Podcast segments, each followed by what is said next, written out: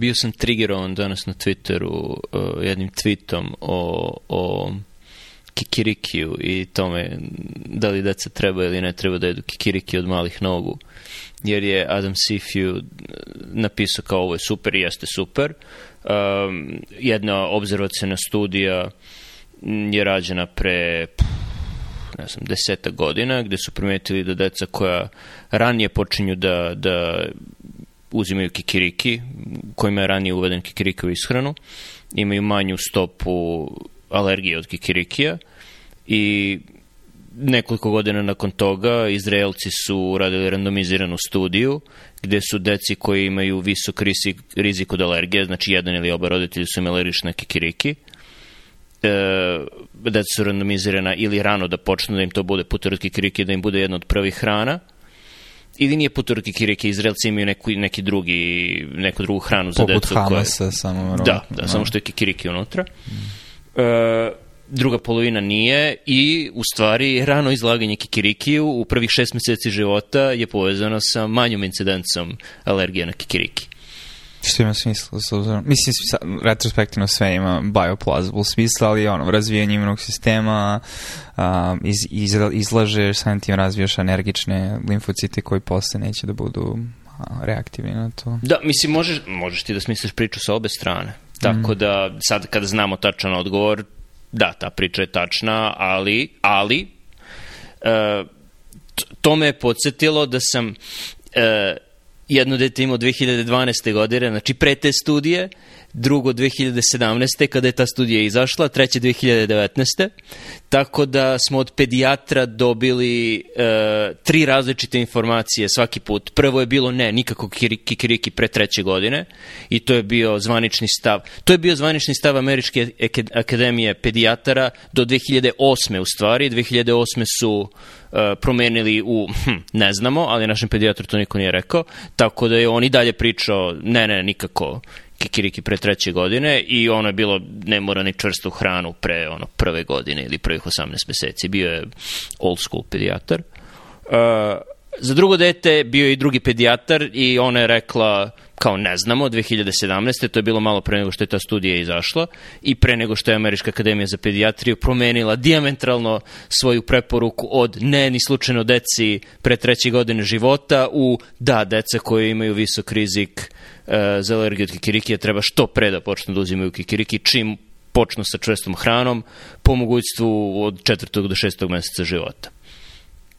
I ono, obrti u medicini se dešavaju, Vina je napisao knjigu o tome, Vina i Sifju, znači njih dvojica, da je zanimljivo da je Sifju uh, napisao taj tweet, ali obično su obrti kao nije, nije preporuka koja je došla ni od kuda. Znači, ne znam, ne znam koje su podatke koristili pedijatri u Američkoj akademiji pedijatara kada su dali tu prvu preporuku da ne treba deci davati kikiriki u prve tri godine života. Kako su došli do tri godine i kako su uopšte došli do toga da ne treba? Pa, vjerojatno zato što su imali de facto konzervativni pristup u smislu hipotetički u tom trenutku Jer ono, razlika između izbacivanja nečega iz sistema i ubacivanja nečega u sistem postoji i heuristika je veća šansa da ćeš da napraviš haos ako ubaciš nešto u sistem nego ako izbaciš. I zato ono, Medical Reversal je, mislim, Andy Reversal je knjiga koju su pisali, ja pričao o tome da stvari koje smo ubacili treba da izbacimo i da je to jako loša praksa, pogotovo kada ih ubacimo na osnovu poznacima navoda od dobrih podataka ili šta god, da je to tek onda a, problematično. Um, tako da mislim da mogu da razumem opet neku hipotezu koja opet ima neku biološku pozadinu da ako imaš rizik od a bolje da ne damo. Ne, bolje da ne damo. Mislim, mislim da taj sličan, samo ti kaže, taj sličan pristup mislim da lekari u Srbiji sada ili pre godine dana su imali na temu vakcinacije mRNK vakcinom. To jest IRNK vakcinom. Šta te sprečava, šta je sprečavalo pedijatri u Americi da pre 20 godina urade tu studiju koju su na kraju Izraelci uradili, a verovatno su je uradili zato što- je ta hrana kod njih toliko popularna da su ih roditelji stalno pitali da li može, da li može, da li može i onda je na kraju bilo ajde dobro proverit ćemo i gle čuda gle čuda, bolje je da daš kikiriki što ranije. Znači šta te je sprečavalo, ako pre 20 godina ne znaš, u redu je da imaš konzervativan stav dok se ne izvede studija. Ali šta ih je sprečavalo da pre 20 godina urade tu studiju? Posle još teško pitanje. Mislim zato što mislim da postoji status quo bias i mislim da ako, mislim možeš posmatraš na različite načine, Ali to nije status quo bias. Znači, roditelji su davali svoj deci svakakvu hranu okay, od kad je sveta znači, i veka. To okay, nije... Da, da, da, razumem šta hoćeš da kažeš. Mislim, ne znam, ne znam koliko, ono što je problematično je što ne znam koliko taj jedan primjer može da bude ilustrativan za nešto šire, poput stave ili trenda, ali možeš da kažeš da ako hoćeš da budeš maksimalno ciničan, nije bilo nešto od čega može da se napravi karijera ili pare. um, tako da i drugo što ne postoji nacionalni zdravstveni sistem ovde koji bi imao u interesu da Mislim, zašto iz Izraela izlaze sad jedine studije koje izlaze o vakcinama sad u New England Journalu za njih nekoliko meseci su opet iz Izraela i opet su obzervacijne studije. Mislim, dobro organizovana, relativno mala država sa puno para, um, sa dobrim zdravstvenim sistemom može da sprovede takve studije zato što je u interesu države da sprovede takve studije zato što je nacionalni interes zdravlje građana. Ali kad imaš zdravstveni sistem kao ovde i akademiju, a, kapiram da postoje sigurno neke barijere koje su dovele do toga da na neki način ovde nauka ne ubrzava u nekim aspektima.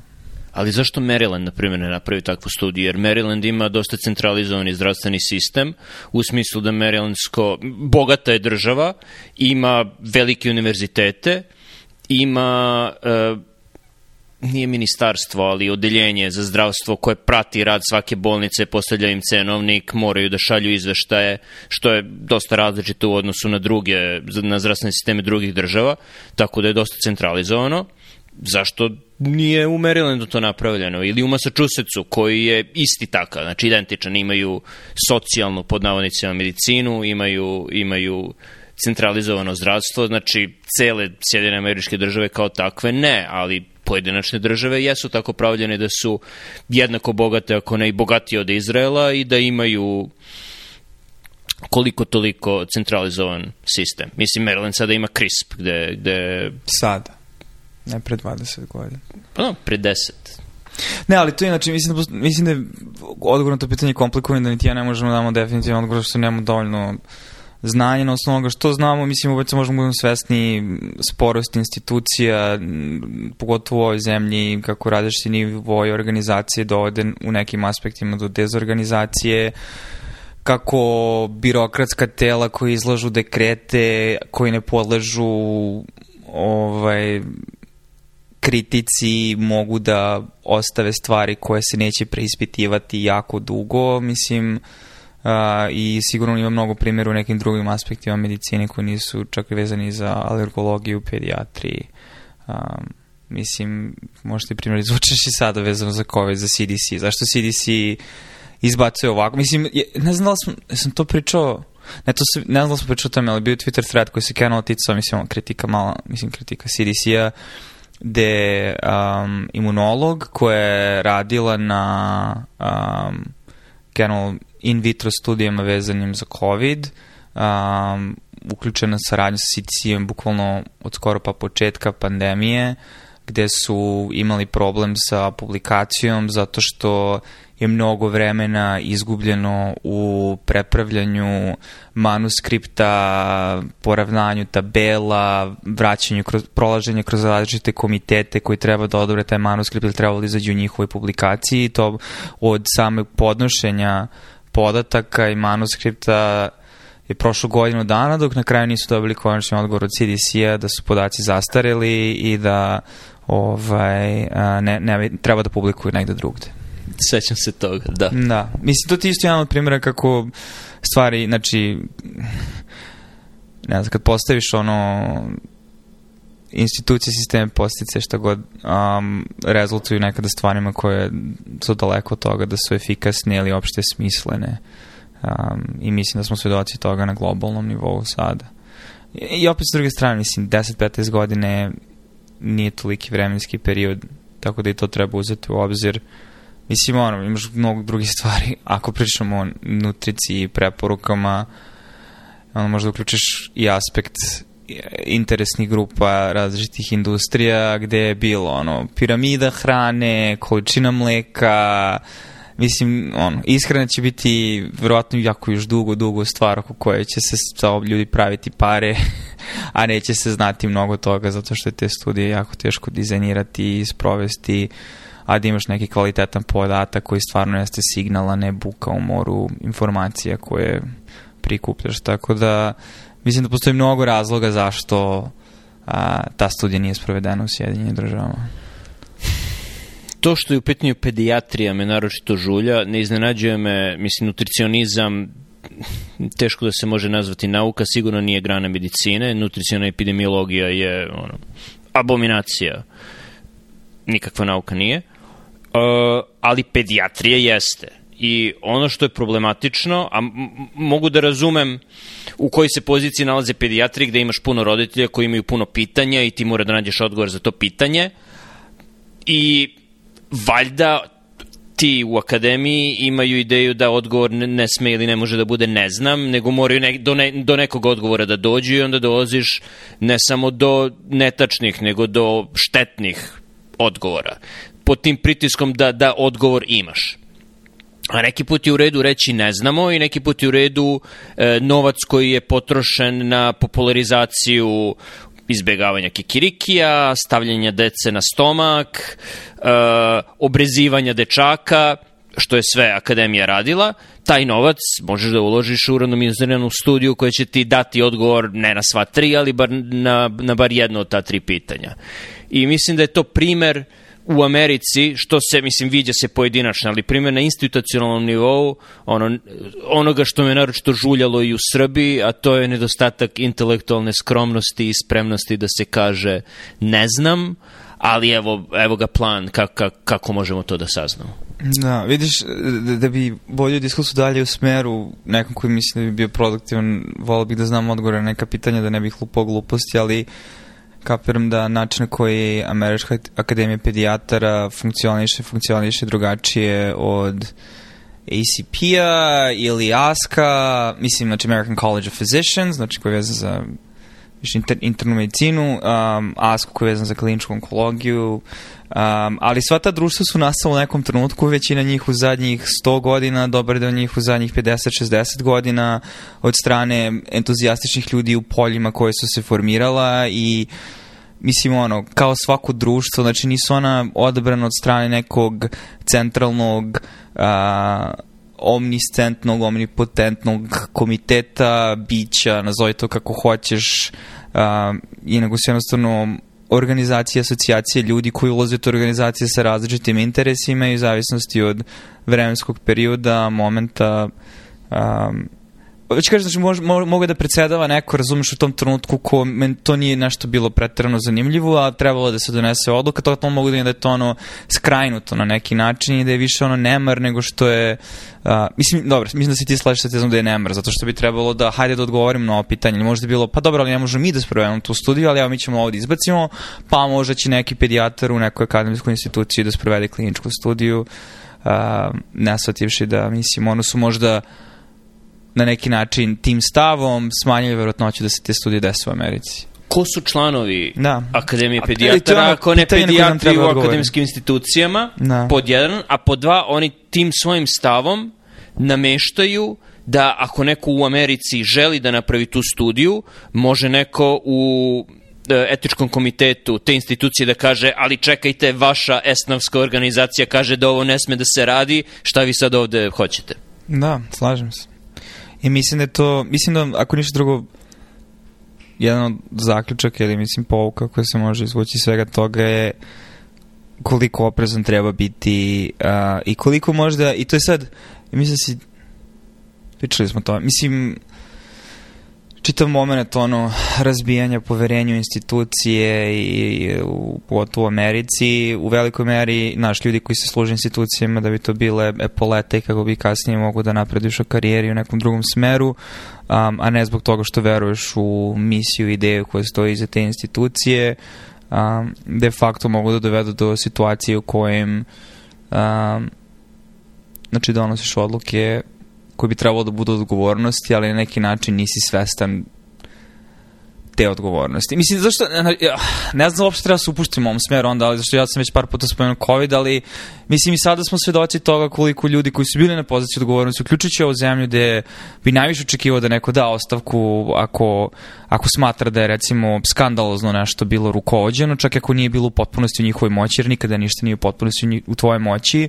Mislim da smo dostigli novi nivo ono sujetnosti u, u institucijama, mislim sujet šta god, mislim ono gordosti u, u institucijama vlade ko mi dosta onako vibe Srbije, mislim apps i tako dalje, da ne prema komentare, ali gde ono nisam ja kriv, krivi su drugi, nosili, donosili smo odluke najbolje što smo mogli u svakom trenutku, umjesto da stvarno napriš refleksiju i budeš ok, mislim, možda ja nisam najbolja osoba da budem na toj poziciji, iako sam 30 godina već na toj poziciji. Not naming names.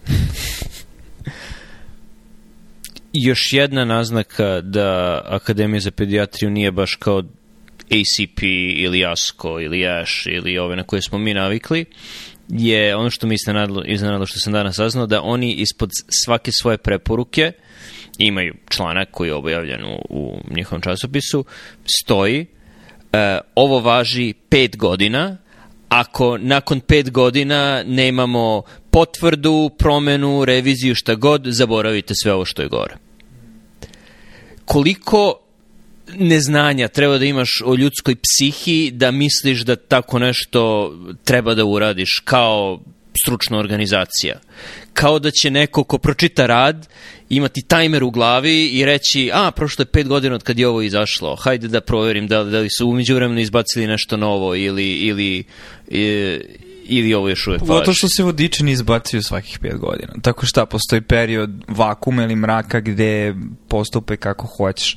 Neodgovorni sa te strane, neodgovorni možda sad opet ja postavljam sve previše kroz prizmu eksternaliteta, ali kad postaviš te postice, onda će ljudi odgovornosti možda biti manje spremni da donose odgovorne odluke, jer kao pa dobro, ali za pet godina možda ćemo znati nešto više, ovo će da istekne.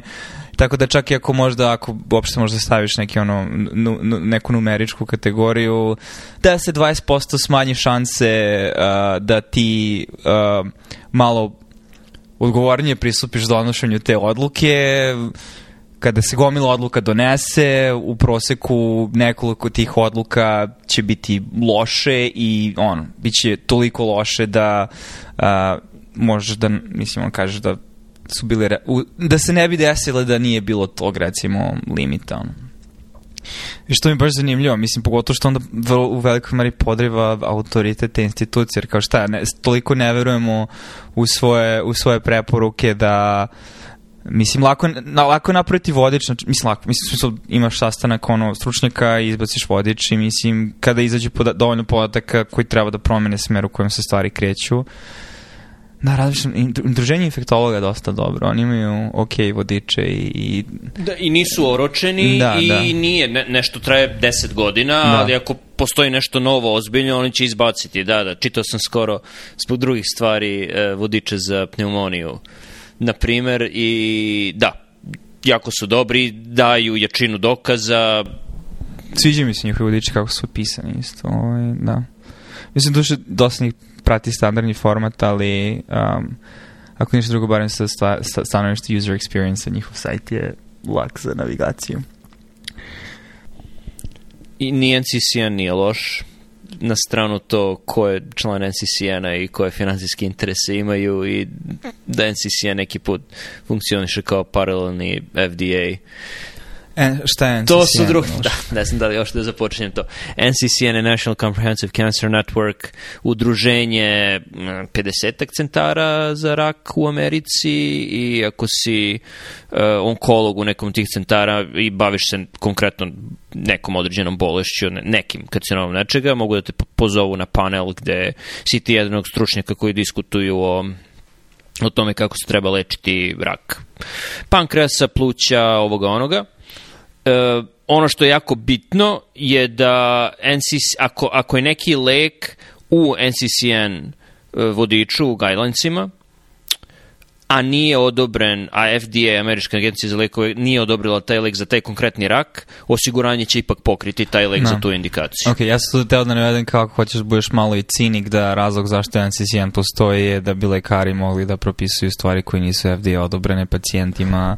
Lekari A. uvek mogu da propisuju, ali osiguranje a, ne hoću- mora da hoću pokrije. kažem, a da pritom to osiguranje pokrije. Da. Mislim da, da imaš taj nivo sigurnosti da propisivajući nekome ono, oralni TKI 50.000 dolara ili koliko već zavisnosti koji koristiš. A, što ima u praksi smisla za stvari gde ono pre godinu dana je izašao abstrakt na ASKU i promenja standard nege, samo što FDA mora da reviewuje sve to i u pitanju je bolest koja je um, nema dobru alternativnu terapiju i znači možeš da napraviš argument da ima smisla, ali onda postoji mnogo nivoa toga gde um, ono, koliko druge stvari, ali mislim Ima smisla tu, ima smisla i za redke bolesti za koje ne bi bilo šanse da bi farmaceutskoj kući bilo, bilo finansijski, u finansijskom interesu Da da, FDA. da traži Aha. da, tu indikaciju. Mislim, to znam kao neko ko je lečio te ćelijske limfome gde ima jako malo podsticaja farmaceutskim kućama da, da ako neki leki funkcioniše, na primjer Campath, Alemtuzumab, koji je no, prilično dobar da bar dobiješ neki mali odgovor za te ćelijski limfom koje imaš ili za TPLL, te pro, prolimfocitnu leukemiju. E, nikad nisu tražili odobrenje za te konkretne indikacije. Ali što je baš zanimljivo, zato što onaka razmišlja na koji ekvilibrium svega toga, jer znači da je na neki način posrednik FDA-a i zato što FDA nema dovoljno a, ljudi da se bavi recenzijom aplikacija farmaceutskih kuća, a, na neki način breme te odgovornosti spada na NCCN i u kojoj meri. Bilo bi zanimljivo mapirati koji procenat lekova a, koji nije FDA odobran je sada u NCCN vodičima sada i pre 10 godina i pre 20 godina. Ne znam da li NCCN postoji pre 20 godina, kapiram da jeste. Jest. Um, ali kojoj meri to sklanja pritisak sa FDA-a i da li je to na kraju dobra stvar, pogotovo ako dosta tih lekara na tim panelima u isto vreme su sarađivali sa tim farmaceutskim kućama, neki od njih imaju honorarije zato što drže govore i šta ti ja znam. E, postoji rad na tu temu, pogodit ćeš ko je, ko je ovaj, senior autor. Da. No. E, o, o tome, ali mislim da, vidiš, to je, to je ideja za rad. E, mapirati vreme kada je NCCN preporučio nešto pre nego što je FDA odobrio, da li je FDA na kraju odobrio taj lek, koje je vreme prošlo, e, koje su, koliko se isplatilo farmaceutskoj kući taj period između NCCN preporuke i FDA odobravanja i da li postoje lekovi koji je NCCN preporučio, FDA nikad nije odobrio i koji je incidenca tih karcinoma. Ok, znači, ili ima neki student medicine koji želi da položi USM ili dođe ovde, eto, prilike da se napiše rad, jako jednostavno možete dodate dva autore iz Sjedinjenih država. Lako će biti publiku negdje da imaš impact faktor 2, 3, možda 4, 5, 6. Ovo je materijal za Jam Ong, nemoj tako. Dobro, dobro. No, zavisi s kim publikuješ, ok. ako prasa, ako je prasa. Uglavnom je dobra ideja, ali do, kap, posle verovatno dosta zametana, treba proći kroz sve vodiče. Uh -huh. Um, Pravi tako da, ali, ali šalu na stranu, ako ima ve- student medicine zainteresovan, slobodno nek se javi.